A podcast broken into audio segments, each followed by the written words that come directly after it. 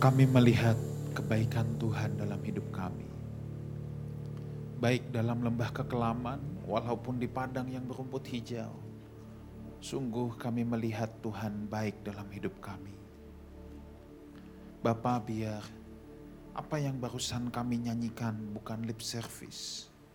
Tapi itu boleh menjadi doa kami sampai akhirnya kami boleh setia mengiring Tuhan. Sampai akhirnya kami boleh tetap setia berjalan bersama Tuhan.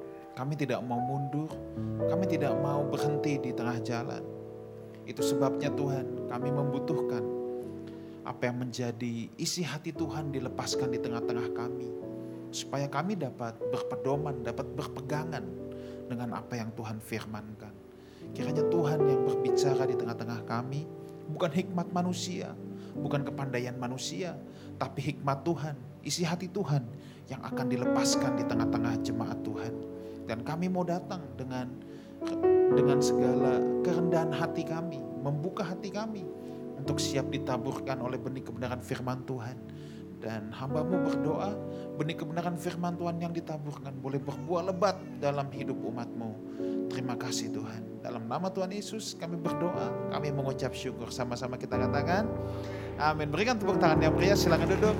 Thank you present worship team yang sudah melayani kita semua sehingga kita menikmati hadirat Tuhan yang luar biasa. Oke, mari kita persiapkan hati kita tanpa panjang lebar. Saya akan mengundang Pastor Rubin Ong untuk menyampaikan apa yang menjadi isi hati Tuhan untuk dilepaskan di tengah-tengah kita semua. Mari kita sambut dengan hangat Pastor Rubin Ong. Ya, yeah, thank you, Pastor Wikan. Shalom Bapak Ibu. Apa kabar? Luar biasa ya. Uh, satu kehormatan, anugerah untuk kembali di keluarga sendiri lah buat saya ya. Karena Levos ini udah apa seperti keluarga dan sahabat saya. Ya biasa saya katakan saya kenal Pastor Wikan udah puluhan tahun. Ya Anne juga. Ya Bang Ruli belum terlalu lama tapi kita so akrab ya kayaknya ya Bang ya. Jadi udah udah udah beberapa kali bisa pelayanan bersama. Nah, tidak menggurui, tidak sok tahu, tidak paling pinter, tidak rasa bahwa saya paling mahir di sisi ini karena ini bicara soal membangun generasi, building generation. Itu tema yang diberikan buat saya hari ini ya. Nah, saya uh, orang yang suka membaca karena saya tahu saya bodoh, jadi saya harus banyak membaca. Uh, yang terutama saya baca firman. Saya duduk bisa berjam-jam untuk merenungkan firman Ya selebihnya saya baca yang lain, buku-buku saya baca. Nah saya membaca buku juga tidak mau sembarangan mengingat usia. Ya sekarang saya ngatur waktu mau efisien. Mau ke mana, ketemu siapa, apa yang saya kerjakan, termasuk membaca buku pun saya betul-betul seleksi. Karena sekarang bayangkan udah hampir 54 tahun, artinya ya kalau Tuhan kasih umur panjang, Alkitab berkata masa hidup kami 70 tahun ya Pak Leo ya, kalau kuat 80 tahun. Jadi yang sudah 70 tahun bersiaplah. Ya maksudnya enggak ya kalau dapat bonus ya 80 tahun atau lebih dari itu. Tapi kan ke, eh, ke, eh, ke, eh, apa kelanjutannya bisa sukar dan banyak hal yang harus kita hadapi. Nah, ada beberapa penulis yang saya suka ya. Misalnya salah satunya E.W. Tozer. Saya nggak tahu Bapak Ibu pernah dengar orang ini atau tidak ya selain misalnya ada banyak lah ya, Chuck Swindle misalnya atau Warren Wiersbe dan beberapa yang lain. Nah, uh, E.W. Tozer itu seorang penulis, salah satu bukunya adalah kekristenan yang uh, radikal, uh, ditulis awal abad 19, tapi sampai hari ini tetap relevan, sebab isinya esensi. Nah, Bapak Ibu tahu ya, semua yang esensi itu pasti tidak akan bisa lapo atau dikalahkan oleh zaman di tengah perubahan apa pun, karena esensi itu berarti kehidupan. Nah, E.W. Tozer dalam salah satu bukunya, dia berkata begini, kalau kita mau bahagia dan maksimal, tidak sekedar bahagia, tapi finishing well, kita maksimal. Ya, dia berkata, temukan kehendak Tuhan, libatkan diri dalam kehendak Tuhan, selesaikan kehendak Tuhan, baru kemudian kita bisa pulang. Ya, jadi temukan apa yang menjadi kehendak Tuhan, libatkan diri kita dalam kehendak Tuhan, dan selesaikan kehendak Tuhan. Udah done, udah selesai. Itu hidup yang bahagia dan maksimal. Nah, saya kemudian menyadari, oh ya, nah sebetulnya kehendak Tuhan apa sih dalam hidup kita? Ya, saya yakin tiap kita pasti Tuhan akan berbicara secara khusus. Tapi Alkitab memberitahu kita, ya, Bahwa ada prinsip yang namanya begini, Bapak Ibu semua. Prinsip ide awal kita diciptakan. Ya misal ya, kalau mau tahu gereja seperti apa, ya kembali ke kisah Rasul 2, kisah Rasul 4. Ya, saya kadang bertanya ya, apakah gereja yang di depan mata saya itu gereja yang seperti Alkitab mau? Menurut saya enggak sekarang ini. Ya, enggak banget. Ya, sebab gereja yang seperti Alkitab katakan itu jelas nyawanya adalah komunal. Makanya saya selalu mengingatkan uh, kalau lagi ngobrol sama Pastor Wigan, saya bersyukur karena uh, Levos ini tetap basicnya nyawanya tetap ada di komunal ya, community, me membangun para pemimpin, kemudian impartasi kehidupan yang terjadi di sana. Ya pertemuan begini ya oke okay lah kita apa namanya pertemuan raya, tapi kan yang sesungguhnya dalam komunal. Nah, saya nggak mau komunal hanya memindahkan kebaktian, tapi share of life harus terjadi di sana. Ya, bagi hidup, bagi termasuk bagi apa saja, bagi harta. Yang tidak boleh bagi pasangan. Ah itu tuh, tidak boleh berbagi pasangan. Enggak, kita harus berbagi. Kalau kehidupan kekristenan tidak berbagi ya buat apa? Nah, nanti kita seremonial saja. Capek lah dengan dengan hal begitu. Nah, kalau kita mau kembali ke konsep awal manusia diciptakan, tujuannya itu apa? Ya mesti kita kembali ke kitab kejadian pasal pertama. Saya nanti akan membaca itu, karena ini yang membuat kita akan betul-betul fokus pada sebetulnya Tuhan ciptakan kita ini siapa, nilainya apa, tujuannya apa. Nah, tapi sebelumnya izinkan saya coba membaca di pengkhotbah pasal pertama. Seorang raja yang sudah meniti gelombang kehidupan begitu lama, mengendarai badai yang tidak mudah, tapi orang ini memang favornya luar biasa. Iyalah, lahir dari anak orang kaya, bapaknya mewarisi uh, aset mungkin triliunan rupiah, sebab dia bangun First Temple saja, kalau hitung-hitungan kurs sekarang dolar 1500 ya kayaknya, kalau nggak salah ya. Bu Rici lebih mahir dari saya kayaknya ya. Kalau nggak salah, ya emas sudah satu juta lebih ya. Makanya saya bilang sama istri saya, kamu kaya loh, emasmu gede. Dia tanya, simpen di mana kamu? Mas Rubin. Ya kan lumayan ya. Ya berat kira-kira 70 kilo lumayan lah ya. Kalau satu gram satu juta lebih ya dia ketawa saja ya. Enggak, tapi uh, ini orang ini luar biasa. First temple uh, bait Allah pertama dia bangun. Kalau kurs sekarang ini kira-kira bisa di angka 1.700 triliun. Itu baru untuk membangun bait Allah. Ya, karena emas semua akan dilapisi emas semua. Belum kekayaan yang lain. Orang yang sangat pinter Seminar motivasi pertama di dunia yang sangat sukses bukan Anthony Robin, bukan juga siapa, terserah saudara ya, terserah lah nama siapa. Saya tidak berani nyebut nama orang Indonesia. Nanti nggak nggak apa-apa sebut juga kan banyak yang jago-jago uh, apa sebagai motivator ya. Tapi Salomo ini orang yang sukses secara motivasi sampai ratus Sheba datang orang berkunjung. Tapi kemudian di kitab pengkhotbah kita tahu ya pengkhotbah itu adalah itu tuh kebodohan raja tua. Ya, uh, kitab Kidung Agung itu hikmat raja muda, kitab Amsal itu matangnya seorang raja, kematangan seorang raja, tapi pengkhotbah adalah kebodohan raja tua karena salah keputusan dalam kehidupan. Jangan tanya saya, uh, Salomo masuk surga atau tidak tanya sama Bang Riji gitu Eh Bang, Bang Bang Ruli lebih pintar dari saya ya. Nah, sebab saya tidak mau berdebat sisi itu ya. Sebab memang dia gagal di masa tuanya. Makanya dia berkata semua sia-sia yang di bawah matahari. Nah, saya mau fokus ke ayat yang keempat, tapi coba kita lihat ayat yang kedua sampai ayat yang ketiga. Kata ini muncul beberapa kali. Ya, pengkhotbah pertama, kesia-siaan belaka. Ya, kata pengkhotbah, kesia-siaan belaka segala sesuatu adalah sia-sia. Bayangkan, kata negatif diulang sampai tiga kali, itu bukan membuat kita jadi negatif harusnya. Tapi ini warning buat kita. Sia-sia itu tahu nggak? Kata yang paling dibenci di Alkitab perjanjian baru. Ya, karena kita sudah ditebus dari cara hidup yang apa Bapak Ibu? Sia-sia. 1 Petrus 1 ayat 18. Itu yang Petrus katakan ya. Jadi jangan sia-sia, kontraproduktif, kontraproduktif, invalid, kemudian ya sia-sia waktu, sia-sia kehidupan, sia-sia apa saja yang Tuhan percayakan. Apakah gunanya manusia berusaha dengan jerih payah di bawah matahari? Ya, kalau di bawah matahari berarti semua kita kan. Ya, setiap suku, kaum dan bahasa. Saudara ada di bawah matahari ya. Ya, cuman ya Ari Lasso keren sih. Uh, lagunya mengejar matahari.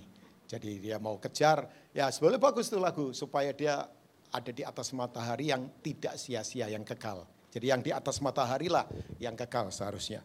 Nah ayat yang keempat, ini yang ingin saya fokuskan buat kita. Boleh baca sama-sama yuk, Jemaat Levos 2, 3. Keturunan yang satu pergi dan keturunan yang lain datang. Tetapi bumi tetap ada. Memakai kata generation. Ya, ya jadi generasi yang satu pergi, generasi yang lain datang. Bumi tetap ada. Nah, kita sadar bumi itu apa sebetulnya? Bumi beda dengan dunia. Dunia kosmos, dunia itu sistem manusia. Ya, makanya kita tinggal di bumi tapi tidak boleh duniawi. Sebab sistem dunia ketamakan, kenajisan, kekerasan, itu sistem-sistem Babilonia, ya. Tapi bumi ini adalah tempat di mana kehendak Tuhan terjadi. Kita sebagai representatif of Christ Kingdom yang ada di bumi ini. Bumi diciptakan oleh Tuhan. Makanya betul kan, kita ini di bumi bukan gak punya tujuan. Yang setuju katakan amin. Orang yang tidak punya tujuan pasti tandanya ada tiga saja. Menyeleweng, menyimpang, melecehkan. Jadi kalau orang suka berkeluarga suka menyeleweng, dalam kehidupan suka melecehkan, dalam bisnis suka menyimpang-menyimpang, berarti dia tidak punya divine purpose, tujuan ilahi. Yalah, ini kalau Mike ini nggak punya tujuan bahaya. Bisa dibuat untuk nyambel karena kayak ulek-ulek kan ya kan? Bisa saja. Tapi karena mic ini punya tujuan, tujuannya adalah supaya suara saya lebih luas dan lebar. Ya kan? Saya kadang berpikir, Pak Leo pernah berpikir nggak daun telinga itu untuk apa sih Pak sebetulnya? Coba. Pak Leo ini memang baik loh, ditanya selalu ketawa. Ya, ya, ya. Nah, ya kan, daun telinga Pak coba. Daun telinga untuk apa? Loh, ada yang tahu? Ya supaya pasang anting-anting lah Pastor Rubin buat yang perempuan atau cowok. Ya boleh saja. Tapi daun telinga ini kan sebetulnya itu apa namanya uh, peredam suara ini. Ya salah satu fungsinya adalah meredam suara. Supaya gendang telinga kita tidak langsung bang suara masuk ya kita bisa uh, itu semua itu tuli semua. Ini ini akustik Bapak Ibu. Coba bayangkan. Oh iya, kuku di tangan kita yang biasa kita potongin tiap saat beberapa saat itu punya fungsi juga. Semua punya fungsi. Ya paling enggak untuk begini-beginilah ya. Yalah, saya lihat di sini sih enggak ada karena bermasker ya. Biasanya saya khotbah ada orang sepanjang khotbah begini terus. Itu pulang bersih hati, bersih sini ya. Jadi double blessing itu namanya ya. Sudah hatinya bersih, ininya bersih. Tidak apa-apa yang sedang lakukan itu, cuman ya jangan sampai tangan kotor. Nah, semua mesti punya tujuan dalam kehidupan. Nah, hal yang sama. Kita ini kalau nggak punya tujuan mengerjakan kehendak Tuhan, percuma. Nah, kalau dikatakan generasi yang satu datang, generasi yang lain pergi, itu berarti begini, akibat kejatuhan, nggak ada yang kekal secara fisik. Makanya kita ini cepat, hidup ini cepat banget loh. Saya kayak berasa baru lahir loh, sekarang udah usia begini. Nenek kita, neneknya istri saya usia uh, meninggal 96 I think, emak ya. Sehat, sehat. Sehat semua. Dari zaman Indonesia belum merdeka sampai presiden terakhir uh, Pak SBY. Jadi beberapa presiden dia ngalamin itu. Dari Pak Karno, Pak Harto, Bu Mega, Habibie, kemudian Gus Dur, dan kemudian SBY. Berarti berapa presiden itu?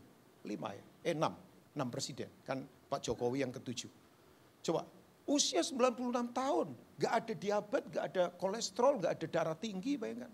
Makanya saya bilang, udah mak, gak usah diet, udah makan apa saja. Ya kan, pagi jeruan babi, siang sate kambing, malamnya es kopior sama durian. Oh iya, oh, orang, orang kalau gak sehat makan begitu, udah langit terbuka malaikat memanggil, pulang-pulang nak gitu. Ya, saya bilang gak usah diet nak.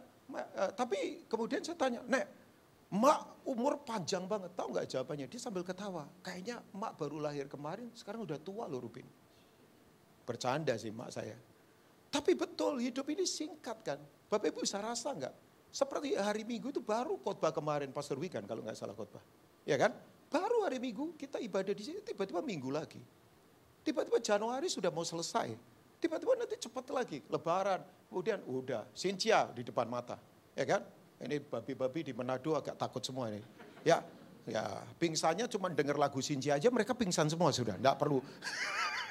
ya kan? Oh, kalau di Manado kan bulan-bulan begini. Oke, nah Bapak Ibu, tapi cepatnya luar biasa. Nah pertanyaannya begini, dalam kehidupan yang fana ini, apa sih yang harus kita pikirkan untuk kita ini efisien, efektif, maksimal dalam Tuhan.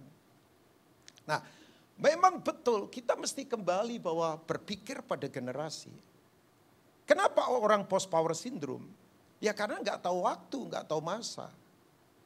Ya, ya stres yang nggak perlu dalam kehidupan. Makanya semua apa pun kalau kita tidak membangun kembali kepada prinsip awal kita diciptakan, percuma. Ya, saya ini berpuluh-puluh tahun dengan tim. Ya, kerjaan kita ya tangan berdarah-darah, kaki lecet-lecet. Ya, fokus pada generasi. Sebab gini yang saya mau katakan, semua yang membangun kehidupan pasti punya movement semua yang membangun uh, apa hal-hal fisik pasti punya monumen. Saya ulangi lagi ya. Kalau kita membangun kehidupan, kita akan terus memiliki movement, pergerakan. Tapi kalau kita membangun hal-hal yang materi, fisik, kita pasti fokusnya nanti memiliki hanya monumen. Ya, oh Pak Rubin kalau begitu nggak boleh punya gedung. Bukan isu saya nggak ke situ loh. Saya bukan pendeta yang anti begituan, enggak sama sekali. Ya, tapi kita kembali mesti ke nyawa yang utama untuk kita ini betul-betul maksimal dalam kehidupan. Nah, saya ingin mengajak kita, yuk kita kembali ke esensi awal, kejadian 1 ayat 28, ini dia. Kejadian pertama ayat 28, ya multimedia, thank you ya. Musa menulis luar biasa. Allah memberkati mereka, lalu Allah berfirman kepada mereka, beranak cuculah dan apa? bertambah banyak. Sayang terjemahnya Indonesia pakai beranak cucu, bahasa Inggrisnya pakai kata be fruitful and multiply. Ya, penuhilah bumi, taklukkanlah itu, berkuasalah atas ikan-ikan di laut dan burung-burung di udara, dan atas segala binatang yang merayap di bumi. Nah, Bapak Ibu yang luar biasa, kata berkat itu datang lebih dulu sebelum kita melakukan hal yang Tuhan mau. Kalau saya tidak diberkati, saya tidak mungkin bisa melakukan yang menjadi kerinduan hati Tuhan. Gak mungkin. Makanya berkat itu bukan upah. Saya ingatkan ya, berkat bukan akibat. Berkat itu adalah abilitas dari awal. Di mana itu memampukan kita mengerjakan kehendak Tuhan. Kata berkat kan berasal dari kata pujian sebetulnya, barak. Ya, dari situ ada kata sabiah misalnya, syamar, tehilah. Itu kalau nggak salah ada tujuh kata pujian. Ya itu itu itu uh, berbicara tentang tentang pujian. Kan Bapak Ibu tahu ya bahasa Ibrani itu bahasa deskriptif, bahasa penggambaran. Bahasa ada gambar begitu. Makanya kan bentuk-bentuk hurufnya itu seperti gambar-gambar begitu ya. Nah, kata barak itu Bapak Ibu tahu ya, itu seperti orang berlutut. Ya, orang berlutut begitu menengadakan tangannya dua ke atas dan kemudian Tuhan dengan tangannya memberkati kita. Nah, itu kemampuan ada defend ability yang ada dalam hidup kita. Saya kalau tidak diberkati, saya tidak mungkin bisa melayani. Tapi saya kan nggak mengukur berkat dari uang, bukanlah. Uang itu hanya salah satu bagian saja. Ya, kesehatan itu berkat. Yang setuju katakan amin. Oh iya dong, sukacita itu berkat, hikmat itu berkat, strategi-strategi dari Tuhan itu berkat. Ya, persahabatan itu berkat loh Bapak. Makanya jangan saling berkhianat. Ya, ya, ya. Nanti ada satu kali yang namanya miracle of connection. Oh iya, saya ngalami beberapa kali. Asli ngalami dalam kehidupan. Ah, makanya saya tidak mau jadi orang yang gampang berkhianat pada siapa pun. Itu berkat. Tapi bukan kemudian bersahabat untuk uh, uh, take advantage ya. Saya tidak mau bersahabat dengan Pastor Wigan hanya untuk dapat keuntungan supaya saya dapat sesuatu. Enggak lah, sama sekali enggak. Ya, ya mungkin Pastor Wigan bisa rasakan itu ya. Atau enggak bisa rasakan itu. Enggak lah, kita berpuluh-puluh tahun bayangkan bersama-sama. Nah, tapi ini berkat. Saya bisa kenal dia, saya bisa kenal Bang Ruli, saya bisa kenal Ko Edi, saya bisa kenal misalnya uh, siapa Pak Budi, Bu Ella, saya bisa kenal siapa lagi? Ya, Bu Nancy, ya dan yang lain-lain di sini. Sorry, belum kenal semua, jadi tidak bisa sebutkan semua ya. Itu berkat buat saya. Ya, saya kenal Om Joni, ada Om Joni ya di situ ya. Ya kan? Saya kenal ibu, istri, ya artinya itu itu berkat buat saya. Nah, Kembali lagi, semua yang Tuhan berikan ini punya tujuan, yaitu supaya kita berbuah. Makanya betul, tingkatan berbuah itu ada tiga Bapak Ibu. Coba catat di hati kita ya. Tingkatan berbuah ada tiga. Yang pertama berbuah, yang kedua berbuah lebat, tapi yang ketiga berbuah tetap. Jadi berbuah, berbuah lebatlah, dan kemudian berbuah tetap. Itu tiga tingkatan berbuah. Tanda kehidupan pasti berbuah. Ya kan? Tanda orang hidup pasti berbuah Bapak Ibu. Oh ya, tidak perlu dipaksa-paksa. Makanya betul kan Bapak Ibu. dalam benih kehidupan, benih kehidupan, ada benih ya. Benih itu ciptaan Tuhan Bapak Ibu. Makanya betul, jangan main-main dengan benih. Ya, kematian satu benih itu mengakibatkan terkuburnya satu hutan belantara. Itu betul banget. Ya kan? Bapak Ibu perlu sadari dalam benih, kita kan punya kehidupannya Tuhan. Oke, uh, kejadian dua ayat yang ketujuh, coba kita lihat sebentar ya. Saya saya coba akan menarik ini karena kita nih kalau tidak membangun kehidupan, nanti yang kita bangun hanya hal-hal yang tidak penting, nggak perlu. Ya, saya sadar, saya pembicara Bapak Ibu, tapi maafkan ya, saya tidak mau fokus hanya membangun jadwal khotbah pelayanan saya. Makanya saya atur waktu, setiap kali weekend oke okay, pelayanan, tapi weekdays, hari-hari yang biasa, saya akan membangun orang-orang lain. Dengan apa yang Tuhan percayakan pada saya. Ya kan? Yalah, saya memang punya pekerjaan. Saya marketingnya kerajaan Allah dari mulai awal. Nah, saya dapat dapat apa? Support uh, financial support ya memang dari pelayanan. Wong kita memang orang pelayanan. Ya. Tapi apa yang saya dapatkan itu ya saya sadar ini buat apa dalam kehidupan. Ya kan? Ini buat apa dalam kehidupan? Nah, itu penting karena saya mau mau mau ke sana sebab nanti semua tanggung jawab yang Tuhan berikan itu akan akan menemukan satu kata namanya kata tanggung jawab Bapak Ibu. Jadi semua kepercayaan Tuhan berikan buat kita itu satu kali akan kita berhadapan dengan yang namanya responsibility, pertanggungjawaban. Dan tiap kita harus berdiri di hadapan Tuhan soal ini. Waktu bagaimana, kehidupan bagaimana, keluarga bagaimana. Oh ya, ya, ya. Makanya betul dalam kekristenan, yang paling kita pikirkan itu adalah hitungan belakangan nanti. Ya, makanya saya mengingat ini, oh iya iya iya. Nah, oke. Okay. Jadi satu benih mati, satu hutan belantara hilang. Kita berhitung sebentar ya. Satu benih ditanam, hasilkan berapa pohon Bapak Ibu? Satu benih? Ini saya diterima nggak ya di level sini kayaknya? satu benih? Satu pohon. Oke okay ya, satu pohon bisa hasilkan berapa benih? Banyak. Saya ambil 100 benih lah, 100 benih lah. Kan bisa lebih ya. 100 benih ditanam, bisa hasilkan berapa?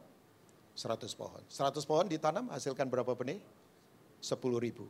Kelipatan 100 kan. 10 ribu, 10 ribu pohon. 10 ribu pohon, 1 juta benih. 1 juta benih, 1 juta pohon. 1 juta pohon, 100 juta benih. 100 juta benih, 100 juta pohon. 100 juta pohon, hitung sendiri sampai kepala kita pusing. Banyaknya luar biasa. Makanya jangan sepelekan satu kehidupan. Wih. Uh, Mark, uh, Steven Spielberg dulu pernah rilis film based on the true story yang pembunuhan Nazi itu. Scannerlist ya. Pernah, pernah tahu nggak film itu? Oh itu film menang Oscar kan? Eh tahu ya. Yang jutaan orang Yahudi dibunuh dalam kamp konsentrasi dan ada satu orang Jerman yang menolong mereka Skender ini nama orang sekarang dikubur di uh, Yerusalem. Yang di pintu gate apa itu yang belum dibuka sampai sekarang yang diyakini nanti kalau Mesias datang terbuka. Ah itu sih sebetulnya kan tradisi yang tidak perlu kita percayai. Tapi dia di, di, dikubur di sana itu. Ya orang Yahudi menghormati dia. Tahu nggak? Dia menantang resiko, ngeri kan. Itu zaman Hitler asli ngeri menantang menentang kebijakannya dia mati. Tapi waktu ditanya, kenapa kamu lakukan ini? Jawabannya itu, menyelamatkan satu nyawa itu berarti menyelamatkan satu bangsa. Saya ulangi lagi, menyelamatkan satu nyawa itu berarti menyelamatkan satu bangsa. Kalau ditanya, ngapain Pak? Loh, hati Tuhan itu bangsa-bangsa. Mintalah kepadaku. Mazmur pasal berapa itu ya? weekend. Mazmur 2 kalau nggak salah. Mazmur 2 ayat 8, saya agak lupa. Kepadamu akan aku berikan bangsa-bangsa sebagai warisanmu. Makanya kalau kita berpikir warisan hanya rumah, tanah, terlalu kecil Pak Ibu. Bangsa-bangsa. Satu kali saya pergi ke pematang Siantar. Ada yang dari Siantar? Gak ada. Ya ampun, kurang bangsa-bangsa berarti ini Levos. Gak ada yang dari Siantar ya. Ya Siantar terkenal bakminya ya. Begitu di sana KKR di lapangan. Ah itu menurut saya pengalaman yang menurut saya saya tidak mau ulang lagi. Bukan soal pelayanannya. Sebelum KKR itu saya dikelilingkan kota, kota pakai drum band pula. Saya duduk, eh saya berdiri di mobil pick up.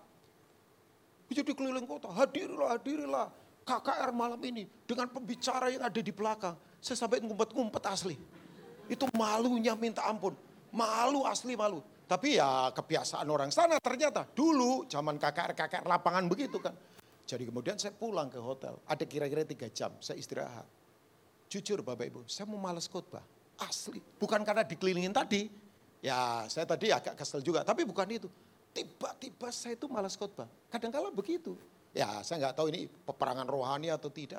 Asli saya mau malas khotbah. Sampai saya ngomong sama anak yang antar saya. Kamu nungguin kakak ya, kakak mau berdoa. Saya berdoa di kamar. Setelah sekian lama berdoa, tiba-tiba kamar saya diketuk. Dia berkata, Kak Rubin udah selesai. Udah, udah selesai. Kemudian dia berkata, Kak ada anak mau ketemu. Waduh saya pikir panitia lagi nih, mau bikin apa lagi nih kan. Siapa saya tanya. Ada anak kenal Kak Rubin. Begitu saya ketemu dia, dia peluk saya menangis. Saya tahu ini anak kita yang kita bina di Jogja. Saya 8 tahun eh, merintis jemaat di Jogja dengan istri saya. Itu ratusan mahasiswa. Nah anak ini saya tahu ini anak biasa saja. Gak menonjol di jemaat waktu itu. Tapi dia dari Kama. Lulusan Fakultas Hukum Gajah Mada. Tiba-tiba dia peluk saya menangis dan berkata, Kak Rubin thank you ya. Saya tanya thank you kenapa? Apa yang kakak tabur impartasikan sekian tahun. Itu mengubahkan saya. Terus saya tanya aplikasinya apa? Saya itu sekarang jadi jaksa. Dan saya dapat award menjadi jaksa terbersih di tempat saya dinas. Dan sekarang lagi diusulkan ke tingkat daerah kemudian nasional. Saya lihat dia bayangkan. Tiba-tiba saya nggak tahu ada tendangan dari dalam yang membuat saya jadi semangat untuk berkhotbah malam itu. Itu persis kayak Popeye habis makan bayam. Tahu ya Popeye makan bayam. dia mau putar kepalanya Brutus itu karena ganggu Olive. Ya, masih ingat itu film itu ya. Coba semangatnya luar biasa. Sampai saya berkata begini, tapi dia bilang, mafia mau bunuh saya beberapa kali. Tapi apa yang Kak Rubin ajarkan, yang Kak Rubin tabur, yang Kak Rubin hidupi, dan saya lihat, dan kita sama-sama bertahun-tahun di Jogja. Itu tumbuh begitu luar biasa. Waduh, malam itu saya khotbah kayak bawa F-16 asli. Wah semangatnya luar biasa. Sampai panggung goyang-goyang. Tapi dari situ saya kemudian berkata, makanya saya katakan, Warisan begini tak terbatas Bapak Oke, kita coba lihat kejadian dua ayat yang ke-7. Saya akan tarik beberapa hal, setelah ini kita akan selesai. Ya, ya maksudnya setelah ini maksudnya masih sekian puluh menit lagi ya. Ketika itulah Tuhan Allah membentuk manusia itu dari debu tanah, terbatas memang. Dan mengembuskan nafas hidup ke dalam hidungnya. Neve saya, ada part of God, bagiannya Tuhan di dalam kita. Makanya jangan sepelekan orang. Saya itu paling nggak suka kalau orang, ya buat saya ya, melihat orang hanya sisi dari debu tanah. Makanya suka ngeremen terus. Ah murah itu pakaiannya. Ah murah itu apa namanya sepatunya. Ah biasa aja itu orang. Ya oke oke oke. Tapi jangan karena ada bagian Tuhan dalam dirinya Bapak Ibu. Ini yang perlu kita hargai Bapak Ibu. Kita bisa melihat sesuatu yang ilahi dalam diri seseorang. Makanya kalau kita tidak melihat ini susah untuk kita membangun generasi berikutnya ya. Demikianlah manusia itu menjadi makhluk yang apa Bapak Ibu? Hidup. Kata hidup di situ zoe kan. Hidup yang berkualitas seperti Tuhan punya kualitas hidup. Nah, dari ayat-ayat yang kita baca beberapa ayat ini, saya coba akan sampaikan beberapa hal yang saya harap menjadi berkat buat kita ya.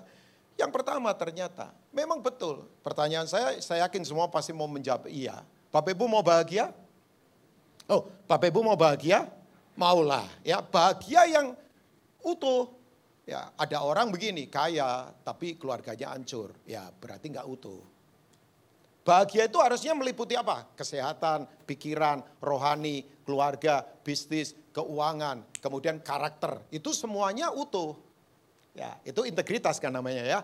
Nah, ternyata untuk kita ini mengalami kebahagiaan yang sejati, kita itu harus kembali kepada memang konsep awal kita diciptakan, yaitu untuk berbuah dalam kehidupan. Jadi semua yang Tuhan percayakan pada kita tujuannya adalah supaya kita berbuah dalam kehidupan. Nah tadi saya sudah katakan berbuah itu tiga tingkatan itu berbuah, berbuah lebat dan berbuah tetap. Nah fokus saya pada berbuah tetap. Berbuah tetap itu adalah anak-anak rohani generasi berikutnya yang harus kita sungguh-sungguh investasikan kehidupan. Oke, saya akan kasih contoh beberapa hal ya, tapi coba kita coba lihat ya. Yesus satu kali mengajar begini. Lukas pasal 13, coba kita lihat ya. Lukas 13 ayat yang ke-6 sampai ayat yang ke-7. Nah, yang boleh nggak temenin saya? Ada di mana dia? Uh, ada di mana? Oh ya, dia ada di belakang. Dia sudah tahu kalau pasti dipanggil, makanya dia siap dari tadi ya. Makanya saya panggil. Karena kamu siap, saya panggil. Uh, Lukas pasal yang ke-13, coba kita lihat ayat yang ke-6 sampai ayat yang, thank you multimedia. Lalu Yesus mengatakan perumpamaan ini, seorang mempunyai pohon ara yang apa? Tumbuh di kebun anggurnya. Membaca ini saja lucu ya. Kita itu kadang-kala ada ini kan, ada banyak kesalahan. Ya, background kita bisa yang lalu banyak salah. Pohon ara kok tumbuh di kebun anggur. Dari awal saja sebetulnya, harusnya udah nggak layak saya sadar saya rasa begini, oh ya tanpa Tuhan saya nggak layak. Bisa saja kan kita salah keputusan, ya salah apa saja. Salah pilihan dalam kehidupan. Pernah nggak ngalami begitu? Sering lah ya, saya juga sering banget kadang-kala. Kita kadang-kala rasa kayak salah tumbuh aja. Pohon ara tumbuh di kebun anggur. Saya kalau sadar ini, wah iya ya, Dan ia datang untuk mencari buah pada pohon itu, tetapi ia tidak menemukannya. Bayangkan, yang salah tumbuh saja, Tuhan tetap cari buah. Saya ulangi ya, ini sudah salah tumbuh, tapi tetap Tuhan cari buah. Kan tadi saya katakan, saya masa lalu banyak salah, keputusan banyak salah. Ya, ngatur keuangan banyak salah. Dalam persahabatan banyak salah. Tapi tetap yang luar biasa, Tuhan tetap cari buah. Jadi sekali lagi ya, kalau dari ada Bapak Ibu berkata, Pak, saya banyak keliru, saya banyak salah. Oke, tapi ingat Tuhan tetap cari buah dalam hidup kita. Nah Bapak Ibu tahu nggak, resiko kalau tidak berbuah. Ini yang ngomong Yesus ya, bukan saya. Oh dia kan penuh kasih Pak Rubin. Iya, iya, betul. Tapi kan jangan lupa, dia raja, is the king. Ya, orang Kristen jangan cuma lihat dia kasih, tapi dia raja. Sebab ayat yang ketujuh, ah ini dia. Ternyata ada punishment. Lalu ia berkata kepada pengurus kebun anggur itu. Sudah tiga tahun aku datang mencari buah pada pohon ara ini. Dan aku apa Bapak Ibu? Tidak menemukannya. Sudah diberi waktu tiga tahun. Ya saya tidak mau tafsirkan tiga angkat kebangkitan. Atau tiga angka ekstrim. Ya bisa saja ditafsirkan ke situ boleh lah. Waktu kemudian cari nggak menemukan buah. Yang saya kaget tegas sekali ayat berikutnya. Untuk apa ia hidup di tanah ini dengan apa? Percuma. Ada perempuan lain yang berkata tebang saja. Orang protes sama saya, Tuhan sekejam itu Pak Rubin. Oh bukan. Saya beritahu buat Bapak Ibu. Kalau kita tidak berbuah, situasi keadaan akan menebang hidup kita. Karena ternyata semua yang tidak berbuah itu tidak sehat dalam kehidupan. Jadi Tuhan itu cari buah. Karena betul kebahagiaan sejati adalah ketika kita kembali ke ide awal kita diciptakan. Kehidupan harus hasilkan kehidupan.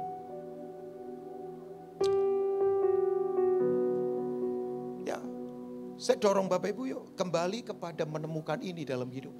Ini bicara begini memang gak gampang. Dari pagi saya tadi berdoa, saya berkata Tuhan biar impartasi hatimu ini betul-betul termetrai di hati kita setiap jemaat yang ada di sini. Karena saya tahu Bapak Ibu, membangun kehidupan tidak mudah memang. Gak mudah banget. Ya, gak mudah banget. Tapi ini yang Tuhan mau supaya kita betul-betul sukacita. Saya tuh nggak kultuskan orang ya, tapi kalau ada orang yang saya anggap pahlawan abad 21 adalah Ibu Teresa. Sampai majalah Time itu menobatkan dia sebagai wanita yang sangat berpengaruh di abad 21. Teresa, mengalahkan Gorbachev, mengalahkan George Bush senior, mengalahkan siapa lagi? Nelson Mandela, mengalahkan siapa lagi? Orang-orang top. Nah tapi kalau kita lihat Teresa itu coba bayangkan. Uh, Pastor Wikan mungkin kenal orang namanya Yoteng, Yohanes Tenggara. Pernah dengar gak Yoteng ya? Ya Yoteng teman kita lama lah di port dulu ya, di Australia. Waktu saya masih ingat, Yoteng punya papa namanya Pak Edwin kan, orang Abalov. Ya, senior. Saya ketemu Pak Edwin, saya tanya, Pak Edwin, Yoteng ada di mana? Itu awal-awal Yoteng mau lulus. Dia bilang sama saya, iya uh, Pak Rubin, Yoteng itu pergi ke itu, ke India, tempatnya Teresa namanya Kalkuta. Dan saya tanya, ngapain ada di sana? Waktu kemudian cerita, saya baru kaget. Nah beberapa saat saya ketemu Yoteng. Yohanes Tenggara, teman baik saya ini. Dia bilang, Kak Rubin, luar biasa loh. Saya melihat Ibu Teresa. Itu beberapa bulan kemudian Ibu Teresa meninggal. Jadi udah lama banget. Saya tanya luar biasanya seperti apa. Asli ini orang. Dia investasikan waktu untuk membangun orang-orang lain. Bapak Ibu tahu kan Kalkuta, Kalkuta. Saya yakin dari wajah Bapak Ibu nggak ada yang mau berpergian liburan ke Kalkuta. Nggak ada lah. Itu kota Bapak Ibu, debunya luar biasa, panasnya luar biasa. Oh iya. Tapi kemudian orang ini membangun itu kan ordo kasih sayang di sana. Ya. Dan ribuan orang kemudian dia selamatkan. Tahu ya, kustanya udah parah itu di sana kan. Udah copot telinga, copot hidung, darah bercampur dengan nanah. Tapi dipelukin orang satu-satu dan berkata, kalau kamu mau mengalami kasih Bapa, Bapa itu seperti apa? Begini loh dia kasih Bapa. Dia terima orang, bayangkan. Makanya dalam satu kata waktu dia kemudian diwawancarai, dia berkata begini, saya bahagia banget, I'm happy. Bapak Ibu tahu nggak, satu kali dia kuliah umum di Harvard kan, di Harvard University di Boston. Orang kalau kuliah umum kan tokoh-tokoh dipanggil. Itu kalau bicara Bapak Ibu gak jelas. Anak-anak Harvard bayangkan, itu kaki bisa naik ke ke, ke kursi depan temennya. Dan bisa tinggalkan tempat saja seenaknya. Orang-orang pinter Harvard kok bayangkan. Ya bukan berarti yang saya lagi khotbah tinggalkan ini berarti lulusan Harvard. Bukan itu ya saudara ya. Tapi ini orang-orang pinter semua kan. Dan gak sembarangan orang bicara. Sampai Teresa itu sangat pendeknya. Bapak ibu tahu gak mimbarnya ini harus ditaruh kursi. Supaya dia kelihatan di atas mimbar begitu. Tapi di menit pertama dia bicara, sampai menit selanjutnya gak ada satupun orang beranjak. Beberapa orang menitikkan air mata. Bapak Ibu tahu nggak? Wartawan CNN itu liputan langsung live. Pegang kamera, kamera goyang. Ini kan wartawan profesional seluruh dunia. Itu kamerawan goyang kamera. Tahu nggak? Waktu kemudian ditegur oleh produsernya, ya dia tidak bisa ngapa-ngapain. Dia berkata begini, ini ibu begitu naik ke ruangan itu, atmosfernya beda. Kayak saya lihat malaikat coba. Saya tidak kultuskan dia loh Bapak Ibu ya. Dia hanya alat saja yang Tuhan pakai. Makanya Billy Graham berkata, saya orang Injili, saya tidak percaya adanya santa. Tapi kalau saya harus punya santa, Teresa jadi santa saya. Dan waktu dia ditanya, are you happy mom? Saya bahagia. Kenapa bahagia? Saya impartasikan hidup saya untuk membangun kehidupan. Makanya betul, di mana ada kehidupan, pasti kehidupan akan muncul. Nah saya berdoa begini, yuk miliki hati seperti ini Bapak Ibu. Yang kedua, dalam diri kita kan ada kemampuan biotik di mana kita itu akan menghasilkan dan mewariskan sesuatu. Biotik potensial yang sekolah biologi tahu ya. Dulu saya nggak terlalu pinter biologi, bukan karena bodoh. Masa wajah begini bodoh? Ya, gurunya nyebelin, wajahnya kayak kentang nyebelin lagi. Nah, jadi suka lempar-lempar itu Pak Leo penghapus, ya kan zaman guru zaman dulu. Begitu saya belajar biologi, oke okay lah ya. Ya walaupun nggak pinter-pinter tapi oke. Okay. Makanya nilai, nilai biologi saya selalu di border ya di angka 6 begitu. Tapi kalau sejarah, eh jangan coba-coba. Enggak belajar saja 100, apalagi belajar 70. Enggak, sejarah saya suka sekali. Saya pembaca sejarah. Nah Bapak Ibu, dalam kemampuan biotik, itu kan ada kemampuan untuk kita itu ini. Bisa bertahan, bisa hidup dan menghasilkan hasil yang sejenis dalam kehidupan. Ya. Uh, saya mau tanya tapi takut nanti dimarahin ya. Ah, Misalnya Bapak Ibu. Buah sejati dari pohon pisang itu apa? Ibu Hengki? Ya, eh, Ibu Hengki. Pak Hengki teman lama saya. Pak Hengki. Ibu Hengki, buah sejati dari pohon pisang? Pisang. Berarti kalau pisangnya dimakan, punah. Habis kan? Buah sejati dari pohon. Enggak, enggak salah. Jawaban salah tidak mempengaruhi keselamatan. Enggak, enggak salah kok. Buah sejati dari pohon pisang. Itu adalah pohon pisang baru. Loh, iyalah. Buah sejati dari pohon mangga itu bukan mangga. Kalau dimakan habis. Pohon mangga baru. Nah hal yang sama. Kalau saya tidak menghasilkan kehidupan. Minimal seperti saya. Dalam soal karakter Kristus. Dalam karakter Kristus standarnya saya nggak mau yang lain ya. Ya saya gagal. Fail. Makanya kalau lihat orang sukses hebat-hebat. Tapi tidak menghasilkan kehidupan Ya kalau dunia ngomong top lah. Kalau di hadapan Tuhan ya. Oke, contohnya mana Pak Pendeta? 2 Samuel 18 yuk kita lihat. Uh, Pastor Wigan tahu lah kita ngajar soal orang ini udah cukup lama ya. Puluhan tahun yang lalu ya. Ada empat anak Daud yang mati semua. Adonia, kemudian anaknya Betsheba, baru sekian hari meninggal. Tapi salah satunya orang ini. 2 Samuel 18 ayat 18. Saudara tahu Absalom ini gantengnya minta ampun. Saking gantengnya sampai disebut cantik. Makanya saya ingatkan, jangan jadi pria terlalu ganteng nanti cantik. Kayak saya ini lumayan lah ya. Nggak terlalu ganteng, tapi ya lumayan lah ya. Loh, ini Absalom itu tahu Bapak Ibu. Wih, rambutnya itu Wih kerennya luar biasa. Sampai dia gunting rambut. Itu buat rebutan. Asli diperebutkan. Padahal itu masuk hidung bersin-bersin orang kan. Tapi ini orang karismanya luar biasa. Pengumpul masa, orator sejati. Kalau dia bicara cecak sampai melongo semua. Orang ini pinter, anak raja. Ya, tapi Bapak Ibu tahu nggak? Akhir hidupnya kasihan. Nah, Sewaktu hidupnya Absalom telah mendirikan bagi dirinya sendiri tugu yang sekarang ada di lembah raja. Lihat, orang yang tidak membangun generasi berikutnya selalu yang dia bangun monumen kebanggaan. Makanya berapa banyak para pendeta, sorry itu saya, yang dia bangun gedung-gedung, yang dia bangun institusi-institusi hebat, tapi kemudian karena kalau nggak ada anak rohani ya buat apa? Nggak ada kehidupan. Banyak pergerakan yang hebat-hebat berhenti Bapak Ibu. Ketika tokoh utamanya berhenti selesai. Makanya saya berkata gereja jangan dibangun atas itu tuh. Atas satu orang manusia siapa pun dia selesai. Kita dari dulu udah teriak begitu Bapak Ibu. Gak ada, gak ada. Bahkan kalau kultus individu itu penyembahan berala.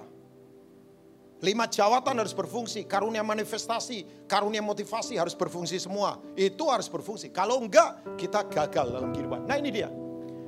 Sebab katanya, aku tidak ada anak laki-laki untuk melanjutkan ingatan kepada namaku. Kenapa kok anak laki-laki? Karena sumber kan. Is, ISH.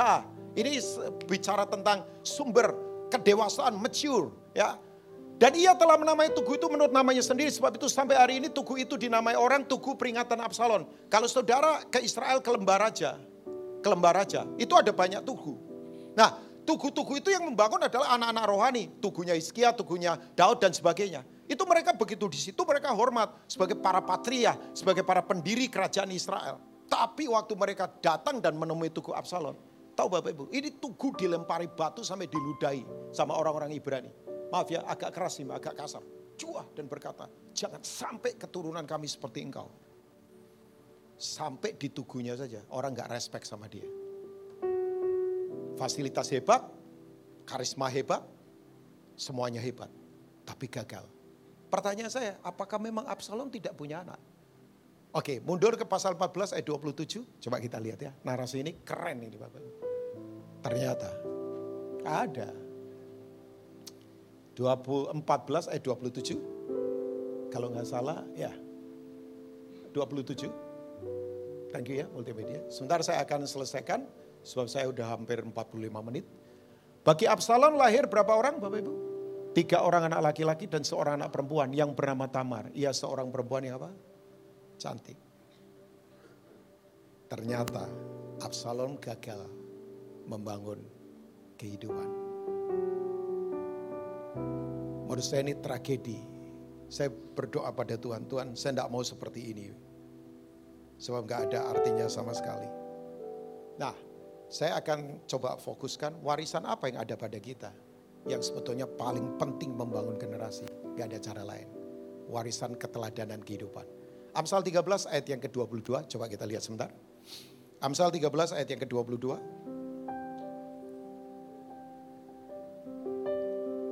Lisa Presley pernah nikah dengan Michael Jackson.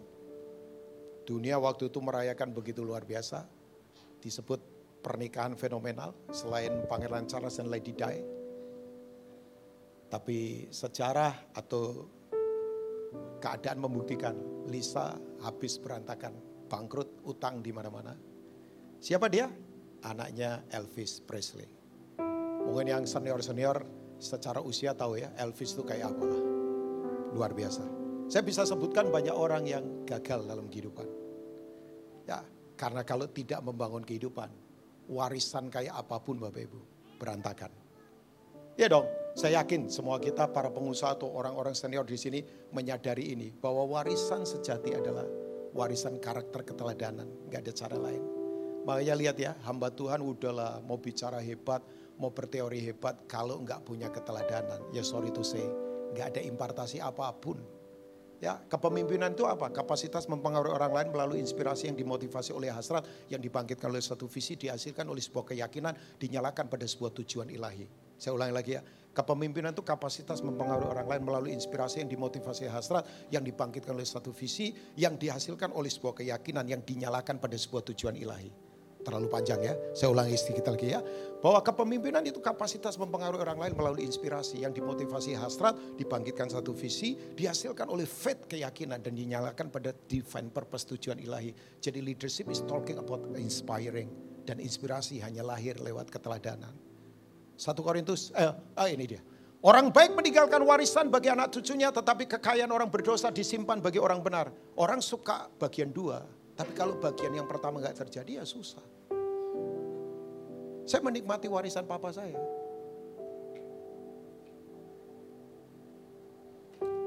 Ya, papa saya kalau untuk Tuhan, untuk keteladanan, tidak main-main. Dan saya sekarang menikmati apa yang dia wariskan. Ya mungkin kita sederhana saja. Tapi Tuhan tidak pernah tinggalkan kita. Ya, ya. Saya mengalami apa itu peralihan generasi. Makanya saya percaya Allah kita adalah Allah transgenerational blessing berkat antar generasi. Itu betul banget. Oke, sekarang kenapa sih Pak Ibu perlu mempersiapkan generasi berikutnya? Karena mereka akan menjadi petempur-petempur yang tidak terbatas. Yang tidak bisa lagi dihalangi oleh kekuatan apa pun. Saya tutup ya. Mazmur 127. Ya, coba selesai ini kita Mazmur 127. Saya akan akan akan tutup dengan ini. Kenapa gereja setiap kita harus mempersiapkan generasi untuk menjadi pelaksana kehendak Tuhan, memenuhi dan kemudian menaklukkan bumi ini melayani buat kemuliaan nama Tuhan. Karena ini kekuatan yang tidak bisa dikalahkan oleh apa pun Bapak Ibu. Karena kehidupan itu tidak bisa dikalahkan oleh apa pun. Di mana ada kehidupan, di situ pasti ada sesuatu yang luar biasa. Nah, oh saya belum kasih ayatnya ya. Coba kita lihat ke ayat 3 sampai ayat yang kelima. Ini perkataan dari Salomo. Tadi saya kita di awal sudah membaca Salomo, saya akan tutup dengan ini. Udah, saya selesai dengan ayat-ayat ini. 3 sampai 5. Sesungguhnya anak lelaki, anak-anak lelaki adalah milik pusaka daripada Tuhan. Sebetulnya terjemahan Inggris pakai kata children. Jadi nggak hanya cuman pria tapi wanita juga anak-anak. Dan buah kandungan adalah suatu apa Bapak Ibu? Upah. Oh iyalah, sadari anak-anak itu warisan dari Tuhan. Oh iya, nggak gampang loh. Oh iya, saya dan istri dapat anak cuma satu. Itu pun anak yang menurut saya anehnya luar biasa. Sebab istri saya secara struktur kandungannya tidak mungkin bisa punya anak. Asli tidak mungkin. Dan kita baru tahu setelah kita planning anak yang kedua. Ya tapi Tuhan kasih. Nah kalau saya bilang anak, gak cuma anak kandung, tapi anak-anak rohani. Ada beberapa hamba Tuhan gak punya anak secara fisik. Gak apa-apa, beberapa hamba Tuhan. Tapi anak-anak rohaninya ada di mana-mana. Ya, karena ini memang warisan dari Tuhan. Ini hal yang penting sekali. Nah, ayat yang keempat. Seperti anak-anak panah di tangan pahlawan, demikianlah anak-anak pada masa muda. Kalau anak panah itu berarti peperangan rohani Bapak Ibu. Pertempuran generasi. Ini cosmic war. Pertempuran paling luar biasa ada di cara berpikir. Makanya anak-anak harus di tangan pahlawan. Katakan pahlawan. Pahlawan ini para karakter yang kuat. Karakter pengorbanan. Karakter kemudian apa? Kerendahan hati. Karakter yang begini. Bertempur untuk sesuatu yang lebih penting daripada dirinya sendiri. Orang yang tidak mau bertempur untuk sesuatu yang lebih penting daripada dirinya sendiri, susah membangun generasi berikutnya. Karena yang difokuskan hanya I, me, self, my, itu selalu begitu tuh. Ya, nah ini ayat yang kelima. Coba boleh baca sama kami, kita selesai dengan ayat 2, 3. Berbahagialah orang yang telah membuat penuh tabung panahnya dengan semuanya itu. Ia tidak akan apa? Stop kata malu, malu itu apa? Malu itu begini, kejadian yang tidak sesuai dengan standar Tuhan, pasti malu. Semua kita kalau tidak ada dalam standarnya Tuhan, pasti hidup malu. Jadi berbahagia, yang tadi di awal dikatakan, berbahagia, kita bahagia kalau kalau ada di sini. Apabila ia berbicara dengan musuh-musuh di mana? Pintu gerbang. Pintu gerbang bicara ekalio. Itu adalah pemerintahan kota. Makanya saya percaya, saya sih sungguh-sungguh berdoa dari Levos ini akan muncul generasi yang perkasa. Anak-anak kita akan dipakai Tuhan secara dahsyat memenuhi menaklukkan bumi buat kemuliaan nama Tuhan. Saya duduk dengan satu orang, tiba-tiba dia bicara begini sama saya. Pak Rubin masih ingat anak saya. Oh ingat banget, di mana dia? Saya kaget. Dia sekarang penulis di blog uh, internet begitu, 10 besar di dunia. Saya tanya, masa bu? Iya. Sampai saya berkata, wow, pengaruhnya betul-betul luar biasa. Saya duduk dengan banyak anak yang kemudian begini, pengaruh mereka tidak bisa dikalahkan oleh apa pun. Gara-gara begini, mereka diimpartasi dalam kehidupan. Sekali lagi, Levos akan munculkan generasi yang sungguh-sungguh menjadi pelaksana kehendak Tuhan. Tuhan memberkati, Tuhan memberkati kita semua. Mari kita bangkit berdiri bersama-sama. Kita berdoa di hadapan Tuhan. Tuhan terima kasih untuk apa yang kau sudah sampaikan pada siang hari ini. Hambamu terbatas, tapi hamba berdoa biar apa yang kau sudah sampaikan hari ini, itu betul-betul termetrai di hati kami. Beri kami hati yang fokus dan berpikir buat generasi Tuhan. Kami mau membangun kehidupan. Karena semua yang ada pada kami, waktu, keluarga, usaha, keuangan, fasilitas, gelar, keahlian, apa saja itu datang dari Tuhan. Dan dari awal engkau sudah menetapkan untuk kami berbuah, bermultiplikasi, memenuhi, menaklukkan, dan berkuasa di bumi ini. Berkuasa bukan arogan, tapi melayani bumi ini dengan kekuatan Tuhan. Makasih. Hari ini yang dahaga Tuhan puaskan. Hari ini kalau kami tidak bahagia, kami mau kembali kepada prinsip awal kami diciptakan. Kami diberkati untuk menjadi berkat. Terima kasih Bapak, biar firman ini termetrai di hati kami. Demi nama Tuhan Yesus. Mari semua kita katakan amin. Silakan duduk. God bless you all.